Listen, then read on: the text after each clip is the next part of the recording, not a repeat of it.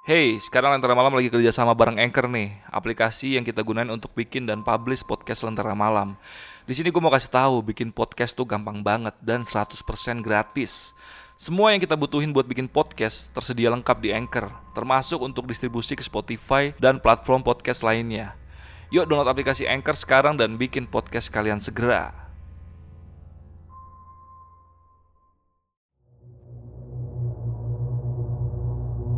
Assalamualaikum warahmatullahi wabarakatuh. Selamat malam teman-teman. Baik lagi di Lentera Malam bareng gue Adit. Sekarang kita lagi ada di segmen Saksi Misteri. Seperti biasa Kalau di segmen Saksi Misteri gue selalu datengin narasumber Untuk menceritakan pengalaman mistisnya. Dan kali ini narasumber akan menceritakan Tentang pengalaman mistis yang dialami sama keluarganya Yang membuat ibunya sampai masuk ke RSJ dan ini kemungkinan besar dikirimin oleh seseorang yang nggak terlalu jauh dari lingkup keluarganya dan gak usah lama-lama lagi kita kenalan dulu sama narasumbernya Nandra Nandra apa kabar Oke, baik. baik ya ini kejadian tahun berapa Nan 2018. 2018 Januari.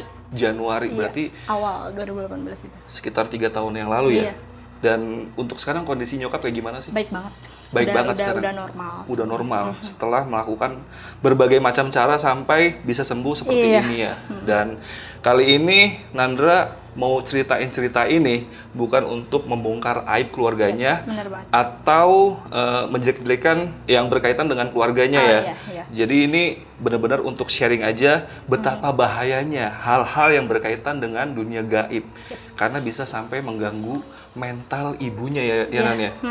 Ya udah, Eh, sebelum kalian dengar ceritanya, siapa tahu kalian mau mampir ke Instagramnya Nandra. Instagramnya di mana Nan? Aku ada dua sih. Satu Nandra R-nya 3, satu lagi Nunara U-nya 3. Oke, nanti linknya gue taruh di deskripsi aja. Jadi buat kalian yang mau sapa-sapa atau mau follow-follow, boleh mampir ke Instagramnya Nandra. Dan jangan lupa juga follow Instagramnya Lentera Malam dan Instagram pribadi gue di @wibowoadit. Yaudah, sebelum kalian dengar ceritanya, kalian tonton dulu yang satu ini.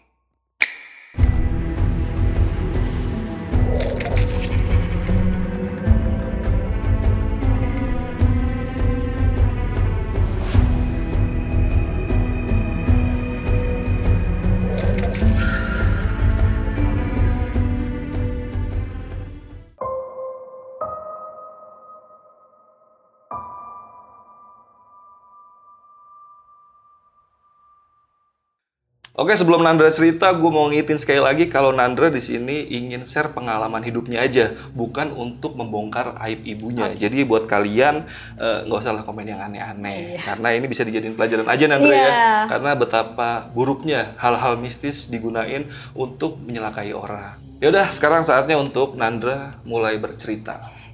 Kejadian ini terjadi di 21 Januari tahun 2018. Yang bermula dari mama itu sering banget kesurupan. Kesurupannya itu berpuluh-puluh kali dalam sehari, tapi itu cuman sebentar-sebentar aja. Jadi eh, kemasukan sadar, kemasukan sadar gitu. Eh, aku sama kakak-kakakku nganggep hal ini biasa.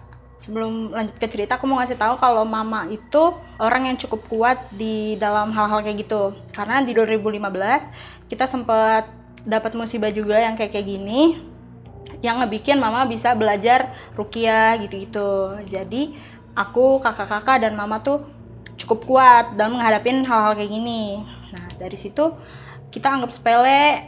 Terus mama tuh sering kemasukan makhluk yang bilang tuh kalau dia tuh ada sama mama dari kecil, dari mama kecil. Awalnya kayak gitu. Dia eh, makhluk ini tahu banyak hal tentang keluarga aku, tentang mama, tentang aku. Bahkan dia tahu hal tentang aku yang mama pun nggak tahu, gitu. Aku juga sering nanya-nanya. Pokoknya kita kayak biasa aja gitu. Oh ya udah gitu. Apalagi ngeliat mama yang bisa ngendalin dirinya gitu, biasa aja. Hari demi hari berjalan masih terus kayak gitu. Sampai suatu saat mama itu kemasukan berpuluh-puluh kali tapi beda-beda makhluknya. Dari mulai anak kecil, terus bapak-bapak, terus nanti nenek-nenek yang nangis mulu. Pokoknya banyak banget sampai ada makhluk yang ngebahayain mama mama tuh mau kayak pengen mama mati gitu. Kayak gitu. Mulai dari situ kita sadar dong oh ini nggak bener nih. Jadi mulai dari situ kita benar-benar ngejaga mama dan kita nggak biarin mama kesurupan sedikit pun. Pokoknya kita jagain. Pas besokannya aku kan lagi sekolah ya. Terus tiba-tiba aku ditelepon sama kakak dek mama sakit. Mama mau kita semua kumpul mama udah aneh nih ngomongnya nih udah ngaco. Pulang lah aku dari sekolah itu aku udah panik banget. Pas masuk ngeliat mama di ruang TV tuh udah terbujur kaku tapi melek. Tapi posisi tuh kayak orang meninggal udah kayak gini udah lurus gitu udah kaku tapi masih melek masih bisa ngomong juga. Mama manggil aku dek sini. Kenapa? Dia sambil ngurus aku nanti kalau mama udah nggak ada eh, jaga diri baik-baik ya sekolah yang pinter kayak kayak gitu. Ya udah di situ aku nangis dong kayak ya kok gini? gitu. Terus tapi aku perhatiin ada yang aneh dari mama dari dari nada suaranya dari cara bicaranya. Terus kayak aku ngodein ke kakak nih ini bukan mama. Aku bilang kayak gitu. Kita sadar di situ bukan mama Eh, karena aku sama kakakku sedikit bisa rukia aku bantu pakai rukia tuh. Di situ kita bantu kita coba sebisa kita kita coba. Itu cukup lama kayak gitu. Akhirnya keluar. Itu ngamuk ngamuk banget ngamuk ngamuk parah pas kita bacaan itu. Ngamuk sampai mau ngejedotin pala ke tembok sering banget kayak gitu. Pokoknya mau bikin mama celaka gitu. Udah mulai dari situ pokoknya kita lebih jaga mama lagi nggak ngebiarin mama sendiri. Sampai sewaktu-waktu aku juga lagi mau berangkat sekolah nih. Eh, berangkat sekolah tuh kayak nggak ada feeling apa pun aku.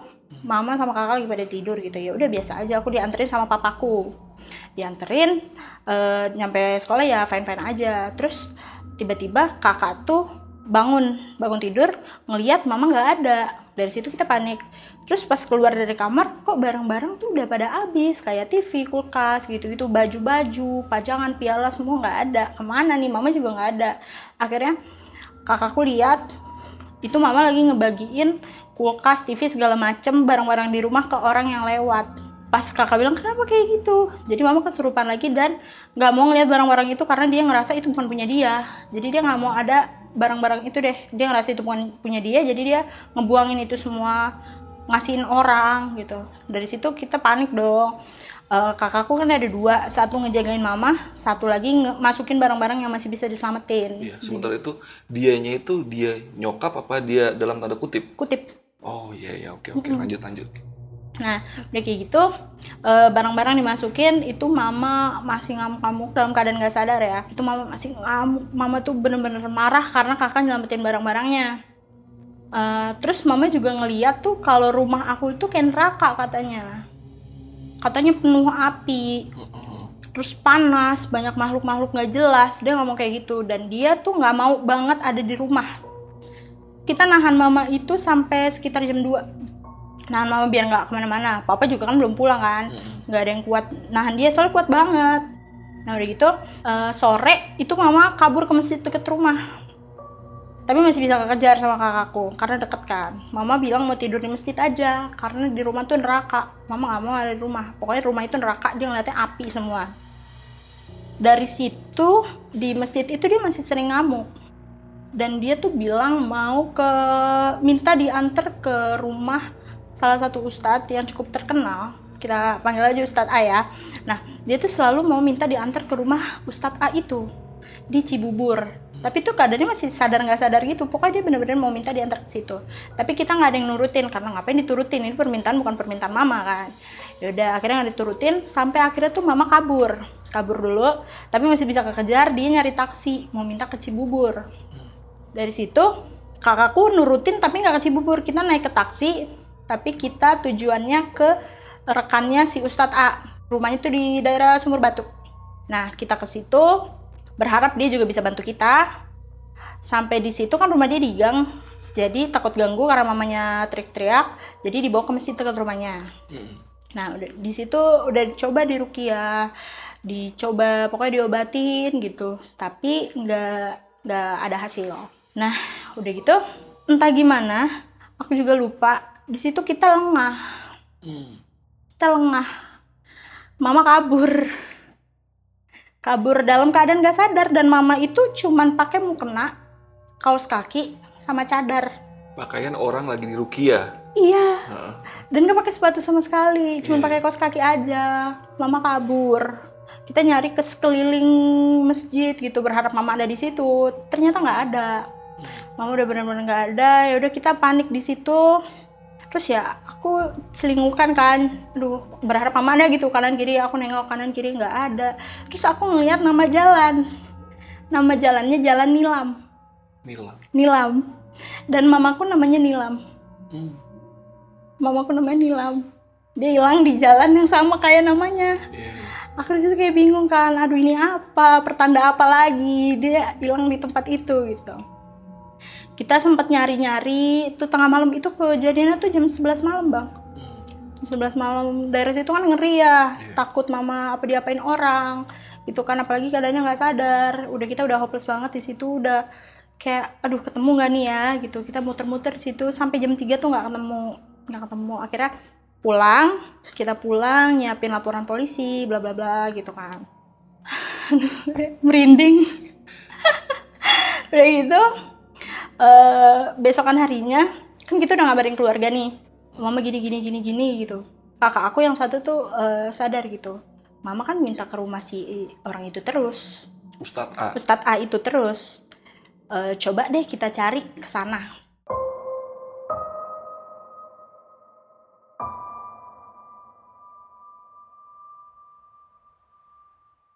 Akhirnya papa kakakku dua nyari akunya nggak ikut akunya sekolah.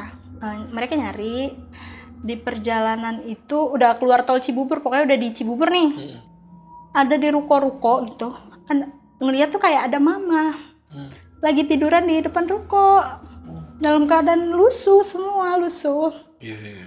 udah gitu kakakku nyamperin yang paling besar. Ngeliat Masin tuh mama bukan ya soalnya persis gitu sama mama.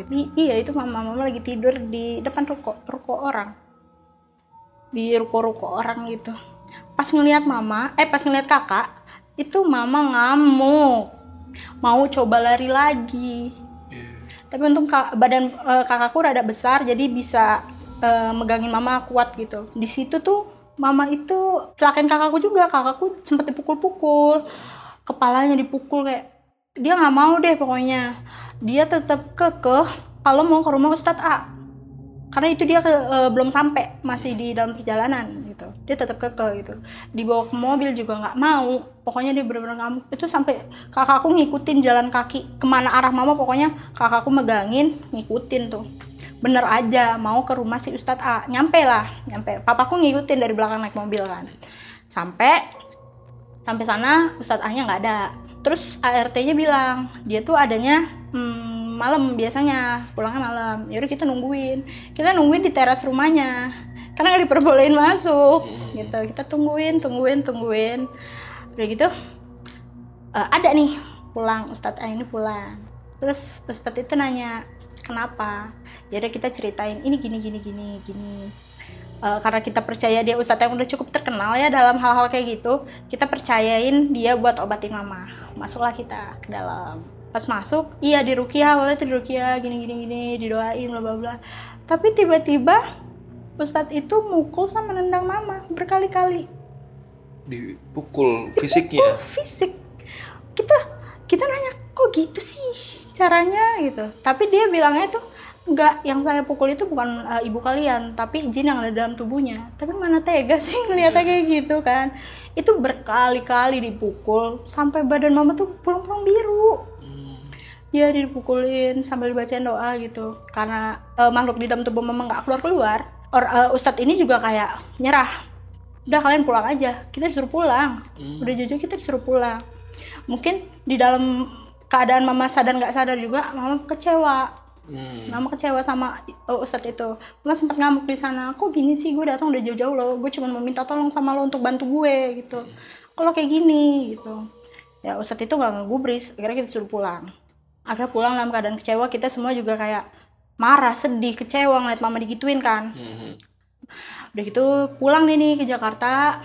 Di perjalanan pulang tuh sempet mama mau nyekek papa terus di belakang. Di dalam mobil. di dalam mobil. Jadi kakakku dua ngejaga mama di tengah papa di depan yang bawa itu dia dari belakang mau nyekek papa terus. Tapi untungnya papa masih bisa ngontrol masih bisa pulang dengan selamat gitu.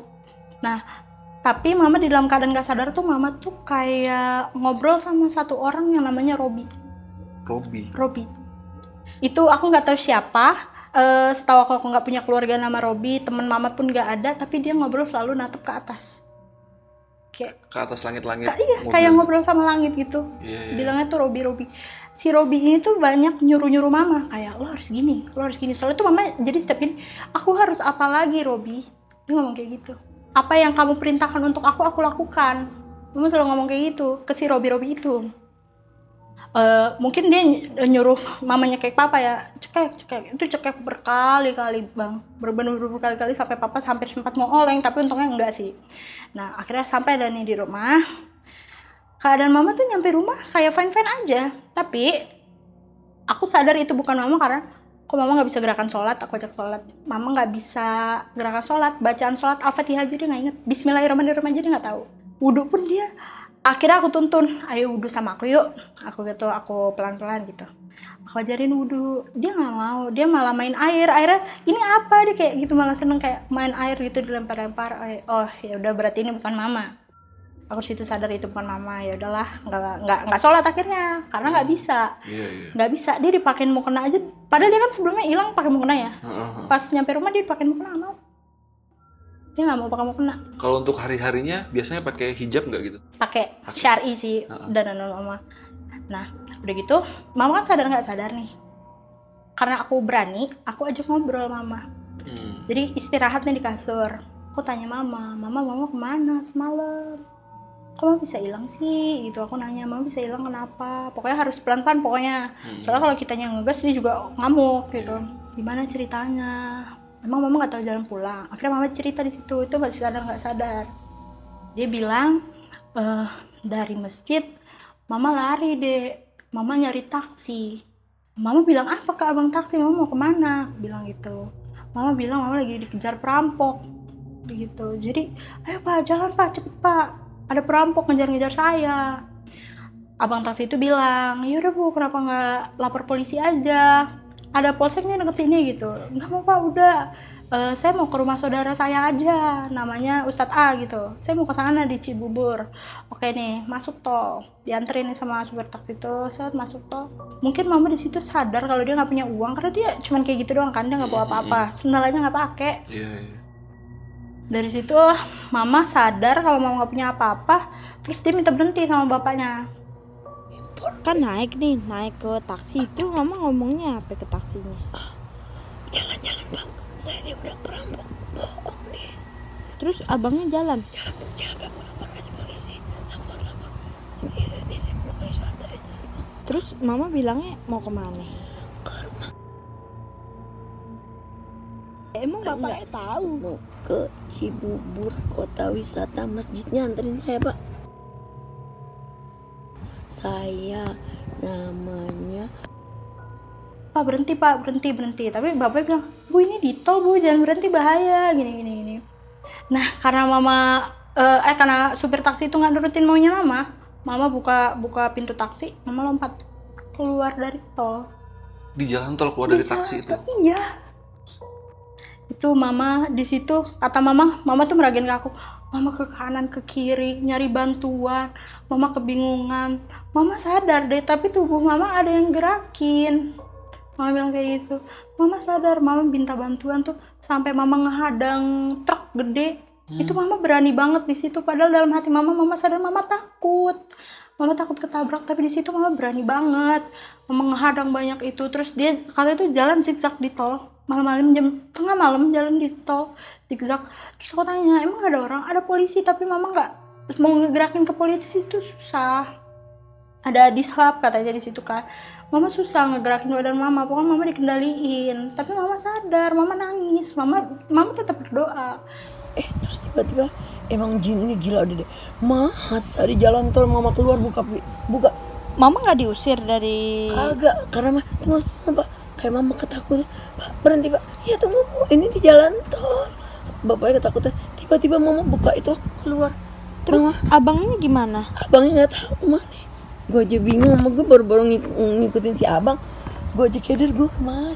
Gue lihat mobil. Aduh, aduh, aduh, ketakutan. Kok ketakutan mama nggak naik aja pulang ke rumah? Nah itu yang mama bingung. mama minta petunjuk dari Allah tolong selamatin aku gitu. Tapi dia tetap nggak bisa bergerak. Sampai pagi dia di situ. Pagi katanya dia udah keluar dari tol. Oh iya dia tuh sempat di tol eh, kayak istirahat. Dia ngerasa capek dia istirahat di pinggir tol tuh yang di besi-besi itu. Dia tuh nyender. Terus kakinya tuh kayak ada yang ngarahin jadi dia selonjoran hampir kelindes. Tapi itu bisa dia tarik lagi dia sekuat tenaga narik lagi tapi nanti kakinya gitu lagi. Gitu dia kayak nyelonjornya kayak mau nyelakain dirinya mama deh pokoknya kayak gitu. keluar tol itu udah pokoknya kata mama udah lumayan pagi. Mama itu sempet digangguin sama kayak abang-abang ojek yang lagi ngetem. Hmm. kan dia pakai cadar ya? Hmm. cadar itu mau sem- sempat mau ditarik-tarik gitu.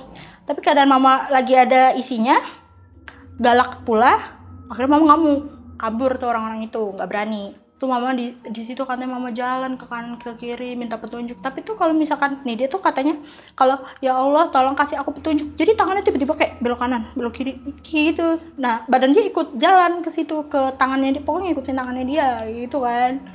Terus dia sempet berhenti di kayak madrasah gitu. Banyak santri dia minta makan dia minta makan gitu pokoknya di madrasah itu mama tuh dikasih sendal terus digantiin bajunya. Tapi baju yang baju yang mama pakai saat hilang itu masih ada dibawa pulang gitu. Sampai sekarang juga masih ada sih. Masih ada. masih ada itu udah kotor banget sih bajunya. Nah udah gitu. Eh, terus katanya mama capek mama ngerasa capek. Akhirnya mama tidur tiduran aja di ruko katanya. Mama tiduran tiduran aja. Tapi di situ mama cuma nyaman ngelihat orang yang berpakaian syari aja. Jadi mama tuh tidur di depan ruko hmm, orang jualan hijab gitu. Hmm. gitu. Jadi kan semuanya bajunya syari itu mbak mbaknya jadi mama nyamannya di situ akhirnya mama tidur di situ ya udah ketemu kakak aku gitu dari situ Hey, sekarang Lentera Malam lagi kerja sama bareng Anchor nih, aplikasi yang kita gunain untuk bikin dan publish podcast Lentera Malam. Di sini gue mau kasih tahu, bikin podcast tuh gampang banget dan 100% gratis. Semua yang kita butuhin buat bikin podcast tersedia lengkap di Anchor, termasuk untuk distribusi ke Spotify dan platform podcast lainnya. Yuk download aplikasi Anchor sekarang dan bikin podcast kalian segera. Lanjut ke yang tadi kan udah nyampe di rumah nih. Itu kita pokoknya jagain mama akhirnya kita tidur bareng-bareng di satu kamar mama tuh. Kita bareng-bareng semua satu kasur. Di situ awalnya biasa aja mama fine-fine aja. Terus tiba-tiba tengah malam tuh mama kayak ngegerung gitu ngegerung. Tiba-tiba kesurupan lagi. Terus mama tuh sering banget kakinya diangkat ke tembok jadi posisinya kaki kepala kepala di kaki berbalik kayak gitu. Dan dia terus-terusan mau buka baju. Dia nggak mau pakai baju. Dia terus-terusan kayak gitu. Terus dia ngerangkak. Pokoknya dia ngelakuin yang aneh-aneh lah pokoknya kayak gitu. Ya udah akhirnya kita bener-bener megangin mama. Kita nggak tidur tuh seharian. Karena mama bener-bener non stop bang. Bener-bener kayak gitu terus. Terus pas ngeliat papa juga kayak benci banget. Karena kita tidur bareng-bareng ada papa juga ngeliat papa tuh benci banget sampai mau pokoknya pengen papa mati juga di situ akhirnya papa mutusin untuk nginep di rumah mamanya. Dia ke rumah nenekku nginep. Jadi sisa kita bertiga jagain mama. Hmm, awalnya juga biasa aja. Dia dia happy. Oh nggak ada papa happy. Oh mungkin oh ya udahlah mungkin pemicunya papa gitu. Akhirnya kita tidur lagi. Terus jam tengah malam masih di itu masih tengah malam jam 3 gitu. Dia minta ke toilet. Dia minta anterin kakakku. Mau mau pipis udah kita nggak ada rasa curiga dong. Oke pipis nih di toilet. Masuk. Terus nyampe toilet mama bilang kak mama mau mandi. Mama belum mandi nih. Emang belum mandi kan emang? Oh ya udah ambilin anduk dong. Kakakku ngambil anduk. Sendiri dong mama di kamar mandi. Langsung kunci pintu. Nah terus dia masih ngobrol sama si Robi Robi itu yang aku nggak tahu siapa. Masih ngobrol kayak dia disuruh ngunci pintu dan ngancurin semua barang situ kita semua denger itu bak pecah suaranya beling-beling sabun semua hancur untungnya kamar mandi di rumah lamaku itu eh, jadi nggak nggak full loh bang Hmm, jadi eh, ini wastafel, wastafel kan tinggi, terus ini tembok kamar mandi segini doang. Jadi kalau kita naik ke wastafel itu kelihatan. Iya. Ya, kayak gitu. Kakakku naik, karena kakakku yang paling tinggi, kakakku naik. Di situ ngelihat mama udah nggak pakai baju, sambil ngancurin bak bak plastik biru yang gede gitu pakai badannya. Dihantam ke badan. dihantem dihancurin semua barang gayung dilempar. Pokoknya sem- yang ada di dalam situ semua dihancurin. Tapi di situ mama sampai minta tolong sama kakak. Kak tolong tolongin mama. Mama dinikahin mama dinikahin sama 40 jin mama ngomong kayak gitu mungkin yang kita nggak lihat mungkin banyak kali ya di situ mau ngapain mama gitu Berarti lisan sama gerakan tubuhnya nggak sinkron ya? Iya, mama tetap nangis kak tolongin mama keluarin mama gitu. Kita bingung, kita ngedobrak juga nggak bisa takut kena mama karena mama lebih banyak di belakang pintu, takut kena mama juga kan. Pokoknya itu mama udah berdarah, udah biru karena ngancurin pakai badan kan bang. Nah udah gitu, akhirnya kakakku punya ide. Jadi tuh eh, kamar mandi aku tuh cuman kuncinya cuman pakai cekrekan karena pintunya udah rusak tuh kunci pintu Oh, yang iya. gininya udah rusak jadi pakai cekrekan. Kakakku nyoba congkel pakai ujung sapu kan ujung sapu gitu. Mm-mm. Dicongkel dari atas gini bisa Kebuka. kebuka untungnya kebuka. Nah udah gitu kita berusaha narik mama ini cuman perempuan doang nih tiga orang cuman sisa kita. Kita narik mama itu keadaan mama udah basah juga basah berdarah udah aduh, kalau inget tuh udah kebayang. Karena kondisinya juga dia nggak pakai pakaian Gak pakai ya. pakaian berdarah biru basah namanya air disiram ke badan dia segala macam terus lengket juga kena kena sabun. Akhirnya kita bawa keluar. Di situ tapi mama nangis. Nangis. Bantuin mama tolongin tolongin. 40 jin ini ngikutin mama terus. Pokoknya ngomong-ngomong kayak gitu udah gitu ya udah kita kita bersihin mama semua. Pokoknya kita pakaiin baju lagi. Tapi terus-terusan dia mau buka baju pokoknya mau buka baju mau buka baju. Padahal kita udah pakein bener-bener akhirnya kita pegangin tuh baju kita pegangin biar nggak dibuka-buka sama dia. Mm. paginya itu kita sempat ada tidur mungkin sejam dua jam doang gitu. Akhirnya tenang gitu kita ngerasa oh mungkin udah kali. Paginya mama ngamuk mama ngamuk akhirnya kakak aku megangin kakakku kan dua jadi dia megangin kanan kiri. Aku di tengah megangin kaki. Jadi mama tuh posisinya duduk aku di bawah. Itu kan tenaga mama kuat banget. Mama tuh ngamuk kalau dipegangin. Jadi mama ngerahi rambut aku dijambak sekencang-kencangnya sampai kakak aku panik karena kan posisi aku, aku nunduk kan. Jadi kelihatan tuh kulit kulit kepala. Itu udah ngeluarin darah banyak kakakku eh, kakakku bilang dia itu kamu rambutnya berdarah. Terus dia bilang ke mama ma itu eh, karena aku panggil oleh ya itu oleh loh itu anak mama jangan kayak gitu ma jangan kayak gitu. Soalnya itu bener-bener kenceng banget bang namanya bukan tenaga mama ya kan? Itu bener-bener kenceng itu lama juga sampai rambut aku tuh hampir mau digunting sama kakak aku. Akhirnya mama juga di situ nangis. Tapi dia tetap terus ngejambak aku tapi dia nangis gitu. Mungkin dia sadar itu aku gitu. Aku udah aku juga udah teriak-teriak mama sakit sakit soalnya sakit banget gitu. Akhirnya dia bisa ngelepas terus langsung kayak kayak jatuh langsung gitu loh. Kayak gitu. Nah udah gitu dari situ ya udahlah ya kita masih coba bantu mama pakai rukiah rukiah semampu kita lah kita nih anak-anaknya. Coba lah sebisa kita semoga ada hasil gitu kan. Dan dia juga masih ngobrol terus terus ada orang baru dia ngobrol tuh sama Arsi. Arsi. Arsi nama baru lagi dia ngobrol. Jadi ada Robi ada Arsi dia ngobrol sama dua itu tetap nengok ke atas gitu. Eh dua nama itu tuh yang merintahin mama mulu. Mm. dia, dia tetap nanya banyak nanya nanya nanya gitu. Kamu harus gini tuh dia udah berapa kali mau kabur gitu kan kira kita itu ngasih makan mama soalnya mama nggak makan makan kan. Kita nyoba ngasih makan mama mamanya ngambek mamanya eh, marah maunya di kamar aja. Keadaan kita masih makan di meja makan tapi meja makan kita tuh ngarah ke kamar mama. Gitu. Pintu kita buka ya udah nggak apa-apa mama di kamar kita makan dulu. Tapi pintu dibuka. Tiba-tiba mama lari ke pintu ngunci. Kita panik dong di situ. Aduh gimana nih gitu. Untungnya tuh pintu kamar mama tuh cuman kayu. Jadi kan rumahku rumah lama jadi cuman kayu tipis doang mungkin dari triplek itu. Yang ba- kalau bawahnya kita dorong kita bisa ngintip. Mm. itu mama buka baju lagi gak pakai pakaian sama sekali ngancurin barang-barang lagi. Dia ngancurin barang semua barang dilempar sama dia. AC kan tinggi ya bang? Ada patah-patahan gitu. Nggak ngerti gimana caranya terus mama yang terakhir kita lihat tuh sampai kita bisa dobrak pas kita ngintip. Jadi mama ngambil stop kontak kan kabelnya panjang tuh. Dia gini dililit-lilit dililit ke leher. Dia. Mau begini. Akhirnya kita dobrak sekenceng-kencengnya kita bertiga. Bisa. Kita dobrak. Itu mama udah udah udah mau lari. Udah di lehernya tuh udah kabel semua akhirnya kita kita panik ya kan. Kita narik itu susah banget nge- ngelepasin kabel itu karena tenaganya kuat banget. Itu masih ngamuk dan keadaan mama juga masih be- tambah berdarah-darah tambah biru.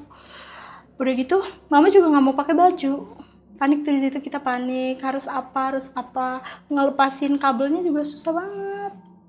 Akhirnya akhirnya kabelnya kalau nggak salah digunting deh. Digunting akhirnya bisa lepas pas akhirnya ya udah kita bener-bener ngejaga mama lagi. Udah gitu suasana rumah tuh jadi serem banget. Ditambah hujan. Hujan udah gitu tiba-tiba yang biasanya nggak bocor tuh bocor. Jadi kamar mama tuh lembab banget. Terus baunya udah aneh karena mama juga udah eh, buang air besar buang air kecil di situ. Karena dia ya nggak bisa kontrol dirinya juga gitu kan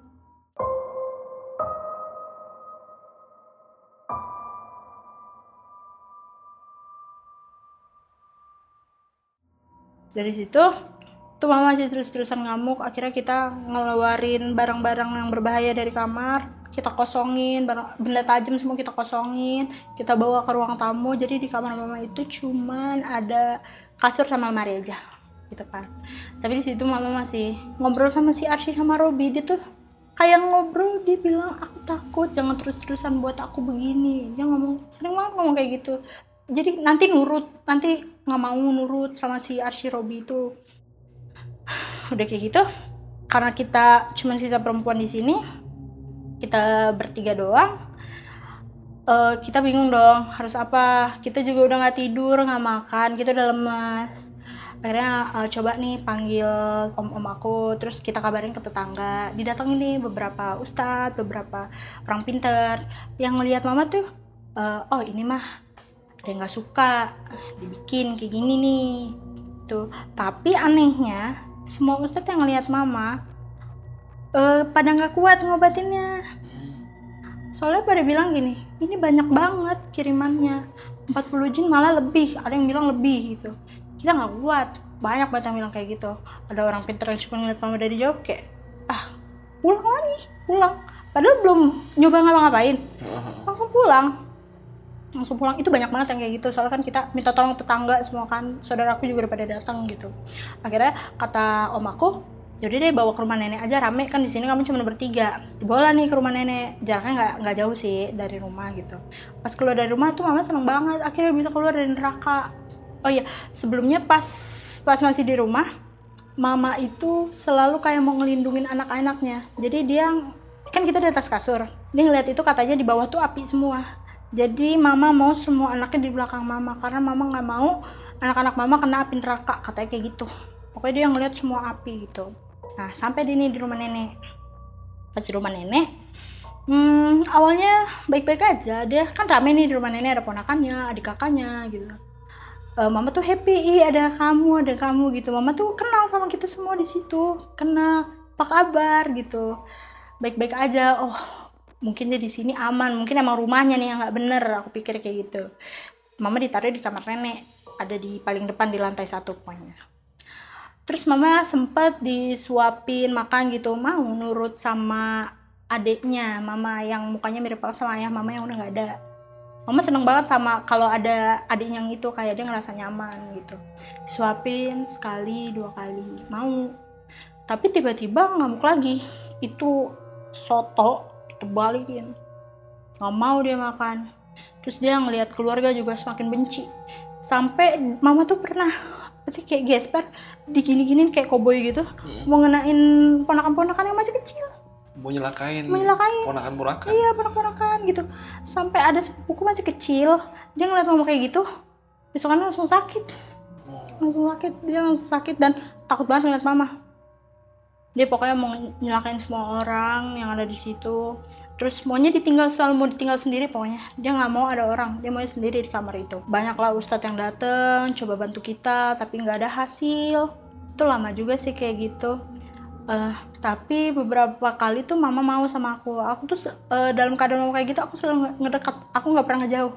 Jadi aku selalu eh, aku pelan pelan mama udah yuk sembuh yuk. Aku kayak ajak ngomong kayak gitu "Eh, jangan kayak gini terus kasihan tuh lihat tuh keluarga kayak gitu repot. Pokoknya aku ajak ngomong dia melukin aku nangis.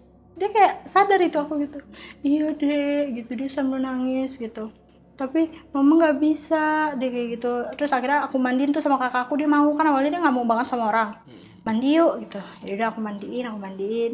Tuh pas mandi itu di dalam kamar mandi, mandi sempet sempet ngamuk juga. Dia nggak mau dibersihin jadi itu tuh nggak mau diri mama bersih itu padahal mama tuh udah pada biru udah pada berdarah banyak darah darah kering yang nggak Banyak luka-lukanya ya. Mm, yang nggak sempet kita bersihin karena kan ngamuk mulu gitu. Udah akhirnya mau mandi terus masih ngamuk lagi di rumah nenek tuh masih ngamuk ngamuk ngamuk ngamuk. Lama banget itu ngamuknya didatengin. Makin banyak orang yang kita datengin untuk nyembuhin mama. Banyak banget tapi nggak ada yang kuat. Nggak ada jadi ngeliat mama langsung langsung pergi lagi. Kayak langsung bilang saya nggak bisa. Gitu padahal aku di situ kesel dong kayak lo kan ustad mas lo nggak bisa sengaja bantu apa gitu? Soalnya belum belum Belum dicoba belum gitu. dicoba dia cuma ngeliat doang. Habis itu mundur dari situ aku kesel dong karena ngeliat mama yang ngamuk-ngamuk terus akhirnya tante aku nyaranin cari deh obat penenang. Cari obat penenang. Papaku nyari sama sepupu-sepupuku nyari deh obat penenang. Tapi nggak bisa karena harus ada jangka eh, ada di bawah jangkauan dokter kan kalau kayak gitu. Nggak boleh. iya iya nggak boleh. Asal suntik aja nah akhirnya nggak bisa tuh. Jadi mama masih terus-terusan ngamuk gitu. Terus om aku nyaranin "Eh, yaudah deh dibawa ke rumah RSJ aja rumah sakit jiwa aja deh di Grogol gitu. Situ aku kayak aku marah. Aku sempat marah sama keluarga aku. Mama nggak gila aku bilang. Kenapa dibawa ke situ? Karena yang ada di pikiran aku tuh kayak rumah sakit jiwa. Aduh kayak banyak orang-orang yang gak waras gitu. Kayak aduh aku pikiran udah ngaco di situ. Kayak aku marah sama om aku sama tante aku jangan kayak gitu dong. Kasihan mama masa mama ditaruh di situ sih? Mama kan gak gila mama lagi sakit. Masa kayak gitu sih? Aku sempat marah aku sempat berontak gitu. Tapi ya mungkin mereka juga nggak ada yang lawan aku karena paham perasaan aku kayak gimana gitu. Tapi akhirnya keluarga sepakat bawa mama ke RSJ Amino rumah sakit Gatot Subroto ada di situ. Akhirnya kita bawa mama. Tapi di situ mama awalnya tuh ya happy lagi gitu. Happy lagi. Terus dia kayak dada dada sama keluarga gitu. Aku pergi dulu ya aku pergi dulu ya gitu. Kita di mobil tuh rame-rame akhirnya. Di belakang tiga di kursi paling belakang tiga di tengah tiga mama tuh di tengah. Yang bawa dua. Itu benar-benar megangin mama. Karena mama di mobil tuh masih ngamuk dan dia tuh selalu ngobrol sama si Archie sama si itu gue mau dibawa ke mana nih gue mau dibawa ke mana nih ngobrol sama si Archie itu Jelasinnya lo, lo gila berdua sama gue sekarang. Si Arsi bener-bener gila berdua sama lo sekarang. Lo cuman yang baik nih. Si Sinta, ya kalem kip kip kalem nih. Sampai ngejejak jejakin nih, sampai kutu-kutu. mungkin si Archie sama Robby itu nyuruh mama kabur.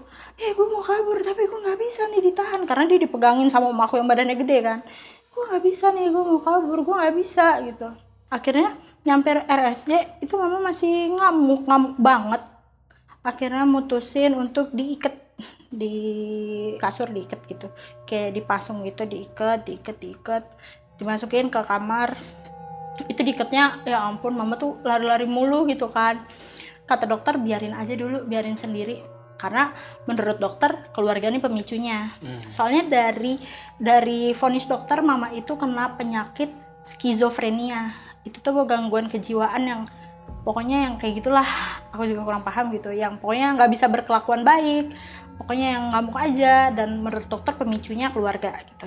Jadinya seminggu itu mama sebenarnya nggak boleh ditengok. Tapi karena aku anaknya kepikiran mulu gitu aku tetap datang meskipun cuma ngintip aja dari jendela. Aku cuma ngintip-ngintip aja. Jadi di kamar mama itu jendela gede cuma dibuka dikit. Aku cuma ngintip dari situ mama lagi apa? Mama lagi apa? Mama itu masih ngobrol sama si Arsi sama si Robi Robi itu. Kayak gue nggak bisa ke mana-mana nih. Gue diikat. Tolongin gue. Dia ngomong kayak gitu. Terus dokter juga bilang mama itu kalau ngelihat perawat mau dicelakain juga. Jadi ada tetap ada perawat yang ngasih mama obat gitu. Terus semua dilempar sama mama obat dilempar apa dilempar gitu. Terus mama juga bilang ke dokter di ruangan ini di kamarnya itu dia cuma sendiri kan. Banyak orang yang mau nyerang saya dok. Saya nggak mau ada di kamar ini. Saya nggak mau. Akhirnya tuh mama narik kan udah nggak diikat tuh soalnya mama udah nggak terlalu parah ngamuknya. Mama ngeluarin kasur mama maunya tidur di depan kamar dia tuh di lorong rumah sakit. Hmm. jadi model rumah sakitnya itu kayak penjara gitu yang gitu-gitu yang besi-besi Jerujinya. jeruji ya benar. Jeruji ini kamar mama mama mau tidur di depan. Oh. mama mama mama sama sekali nggak mau masuk di kamar padahal itu nggak ada apa-apa gitu. Terang enak kok tempatnya gitu.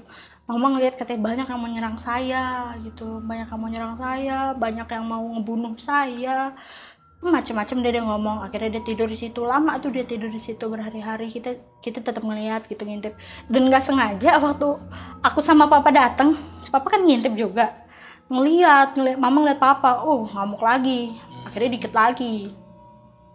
Oh berarti eh, dokter juga ngejelasin ini pemicu dari keluarga bla bla bla gitu kan yang ngejelasin untuk sama sekali nggak ditengok. Oh ya udahlah.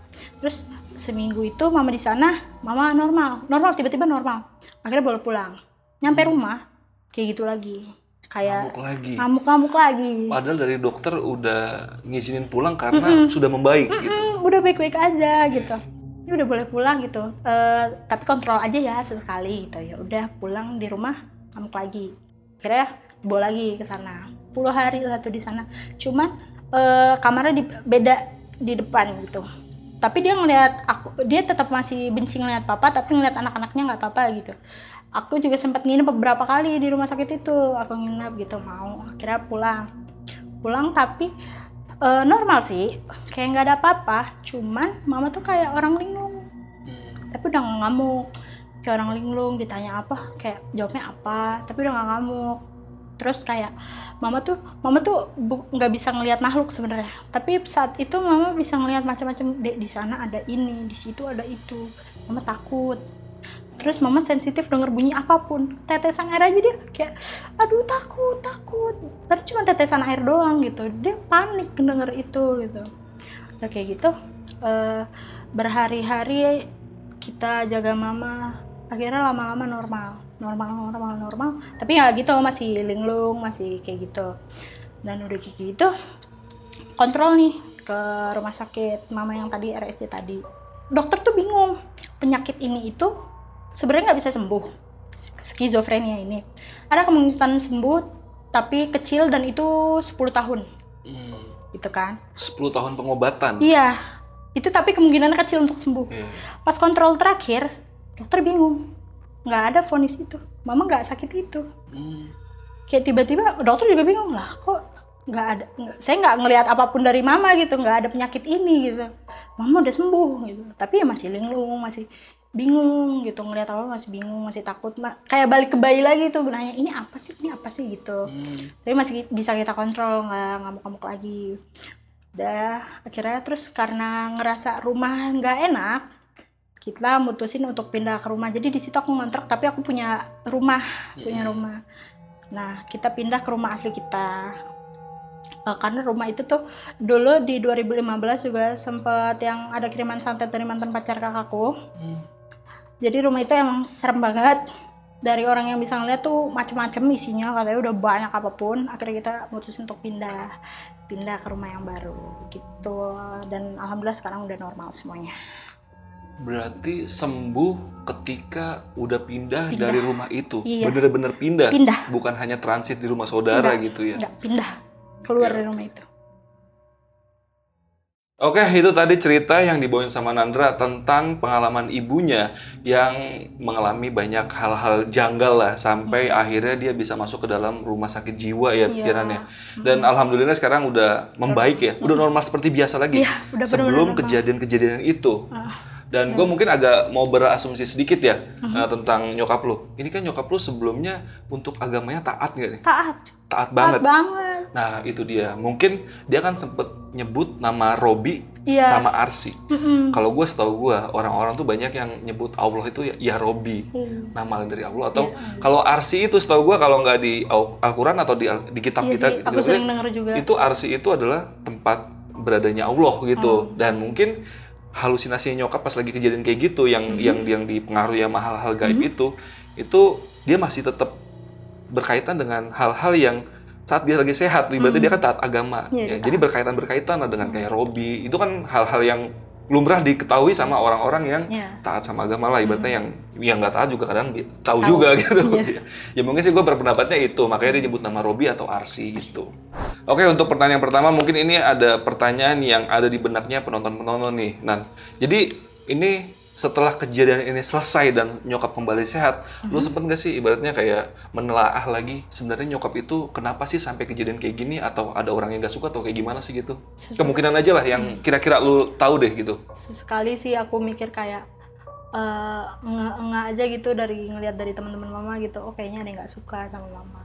Hmm. Karena ngelihat hubungan keluarga aku tuh harmonis terus gitu. Iya, Mama iya. bertonton sama papa tuh nggak ada apa-apa gitu. Jadi ada satu temennya nggak suka Oh. gitu. itu kemungkinan ya asumsi Ya, lu ya, pribadi ya. iya. Haha. Hmm. Karena mungkin ada pernah lu denger kata-kata yang nggak enak nggak dari dia gitu? Iya, Pernah dengar kata-kata nyinyir. nyinyir. Mm-mm. Iya, tapi sampai sekarang masih berhubungan sama orang itu atau enggak gitu? Udah nggak. Udah Kita enggak. ngelarang mama untuk deket sama dia lagi. Oh, iya berarti satu keluarga kemungkinan curiga juga sama Iya. orang itu. Keluarga besar malah. Keluarga curiga. besar. Iya, iya. Karena setiap kali yang gue ambil poinnya, setiap kali nyokap lu ngelihat bokap lu itu bencinya setengah mati. Iya, maunya papa mati terus. Iya iya. Kalau itu benar-benar kalau ngeliat bokap ya. Kalau Iya. orang lain mungkin kadang-kadang normal, kadang-kadang Iya. marah gitu. Kadang normal, kadang marah. Tapi kalau ngeliat bokap pasti marah. Iya, pasti. Yang kayak tadi pas ngintip di rumah sakit itu Iya, jadi sampai iya, ngamuk, ngamuk-ngamuk. iya. Padahal cuma ngintip, Ini aja. doang. Gila itu. Bokap sama nyokap udah berapa tahun nikah? Kalau sekarang 2021. Oh. 27 tahun dah. Eh 25 dari dari tahun 9 92 nikahnya. 92. 29 tahun 29 berarti. tahun dah, iya. Iya iya iya. Wah, gila. Iya. Sayang banget ya kalau sampai ini hubungan kemarin sampai berantakan Hmm. ya. Tapi sa- kalau nyokap nih bener-bener udah sekarang udah clear atau kadang-kadang masih suka kambuh juga? Enggak, normal. Normal-normal aja. Udah udah udah sehat tadi juga aku izin mau sini. Wih, Heeh. ceritain pengalaman itu tuh, wih dijadiin film juga seru tuh. Dia ngomong kayak gitu. Berarti ini Nandra cerita atas izin nyokap juga Iya, ya? Karena kan nyokap izin udah, tadi, udah, iya. udah ngizinin buat lu Mm-mm. cerita ya? Iya. Jadi gak usah komen yang aneh-aneh Iya. gitu. Mama tahu kok aku ke sini. Iya iya. Gue agak penasaran nih sama lu kan tadi di akhir cerita ngomong kalau kakak lu juga pernah kena kiriman ya di rumah itu. Boleh cerita sedikit nggak tentang kejadian itu gitu? Sedikit aja gitu. Eh, jadi awalnya tuh kakakku putus sama pacarnya tuh tahun 2015 itu. Mm-mm. putus awalnya tuh sih biasa aja gak ada apa-apa gitu tiba-tiba kakakku itu pingsan Mm. itu kan bulan puasa ya Iya, kejadian itu bulan puasa jadi kita pikir oh mungkin kecapean kali ini lagi puasa Mm-mm. udah kita bikinin makan suruh buka puasa bla bla bla tapi kakakku tuh nangis pingsan tapi nangis Mm-mm. mama kok hitam semua dia ngomong berarti nggak pingsan dong Iya iya iya. Mama kok hitam semua, aku kayak mau dibawa ke suatu tempat. Nah, dari situ kita sadar, aduh gimana nih. Terus datang kakakku satu lagi nih. Kakakku deket sih sama kakakku yang satu lagi nih. Namanya Ayu sama Bibi nih, yang kena mantannya itu Ayu. Nih, eh, Bibi datang, set, Bibi datang. Nanya kakak, kakak kenapa? Gitu. Nggak tahu nih, kayak gini. Kata mama. Coba sini aku pijitin, kata si Bi gitu kan. Bibi bilang kayak gitu. Pas Bi pijitin kakinya nih Bi kesurupan langsung.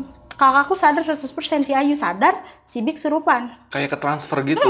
karena dia emang ke banget udah Iya. gitu si Bi itu sering ikut kakakku pacaran sama si orang itu. Ah, ah, ah. Suka ikut jadi kena kalau aku kan nggak nggak suka ikut gitu. Dia kena terus langsung ke trans- eh, transfer gitu kakakku kayak si Ayu juga kenapa? Jadi bingung juga ini kenapa nih anak gitu. Di situ panik akhirnya aku lari ke masjid dekat rumah manggil ustadz tapi kesurupannya itu kesurupan si mantannya. Jadi iya gitu. Jadi dalam kesurupan kakakku bilang "Eh, ini gue sih ini loh gue nggak suka kalau orang itu nunjuk kakakku kalau orang itu nggak sama gue. Dia harus nikah sama gue atau dia mati. Kayak gitu. Waduh. Sampai kayak gitu. sampai kayak gitu.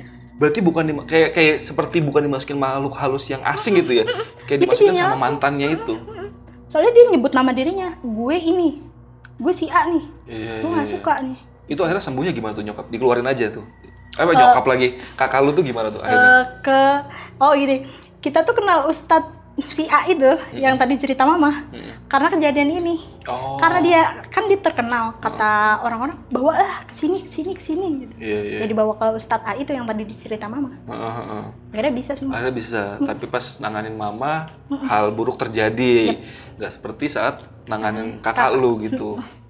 Wah itu berarti yang mutusin itu kakak lu mutusin pacarnya. Iya, dan e, dalam hubungan mereka berdua itu keluarga tuh kayak sempat aneh gitu kok kakak kakakku tuh orang tipe cewek pemberontak. Mm-mm. Kok sama nih cowok nurut-nurut aja gitu kayak Oh, kayak gitu.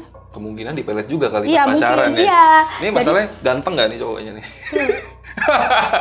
Mm, Itu nggak- poin sekali ya. kurang lah ya, Kurang, ya. kurang, Iya, kurang. Iya, iya, iya, iya, iya, iya. Berarti ada ada ada hal yang berubah dari kakak lu semenjak pacaran sama orang Iya. itu.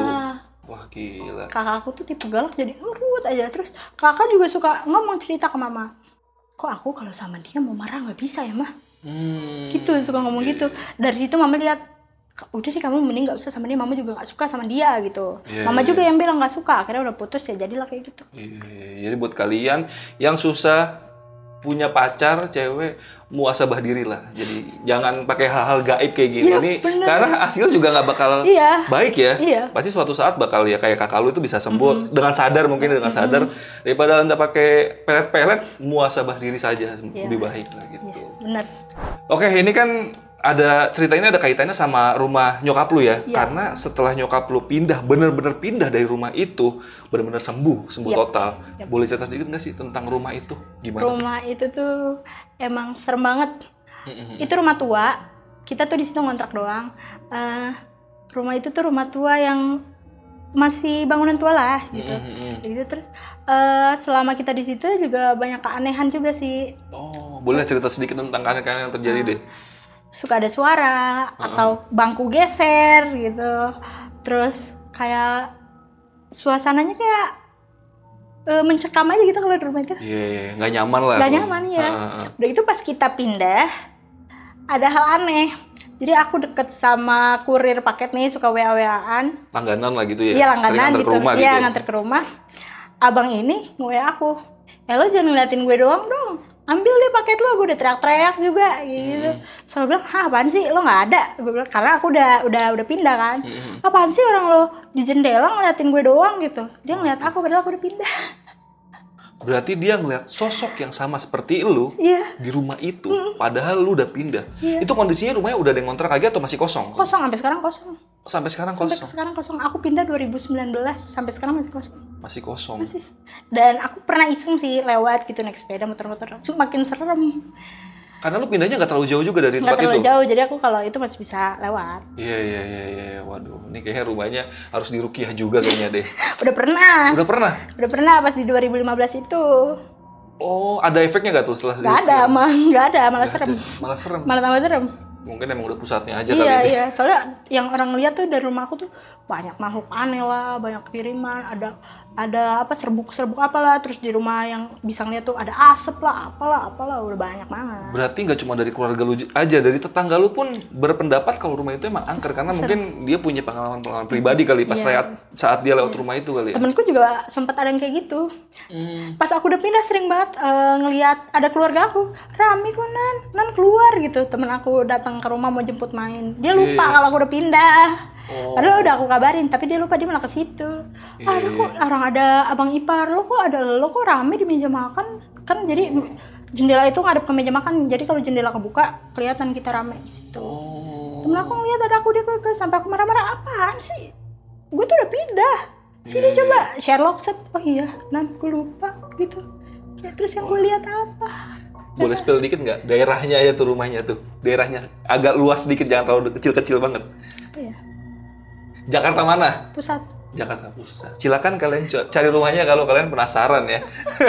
Siapa tahu ada yang mau explore ya kan? Mumpung lagi kosong, kalian cari aja sendiri. kosong gitu. kosong Tapi Kosong nanti kalau ada yang nanya jangan dikasih tahu ya. Kalau ada yang DM jangan iya kasih tahu. ngapain jangan Udah paling segitu aja untuk malam ini ceritanya. Thank you banget Nandra udah saya cerita dari antara malam dan jangan lupa follow Instagramnya Nandra di mana tadi Nandra? aku Instagram ada dua di Nandra R-nya 3 sama Nunara U-nya 2 eh U-nya 3 Oke, nanti sapa-sapa aja Nandra di Instagramnya. Nanti linknya gua taruh di deskripsi. Yaudah, gua rasa cukup malam ini. Gua Adit, Nandra, Lentera Malam izin pamit. Bye.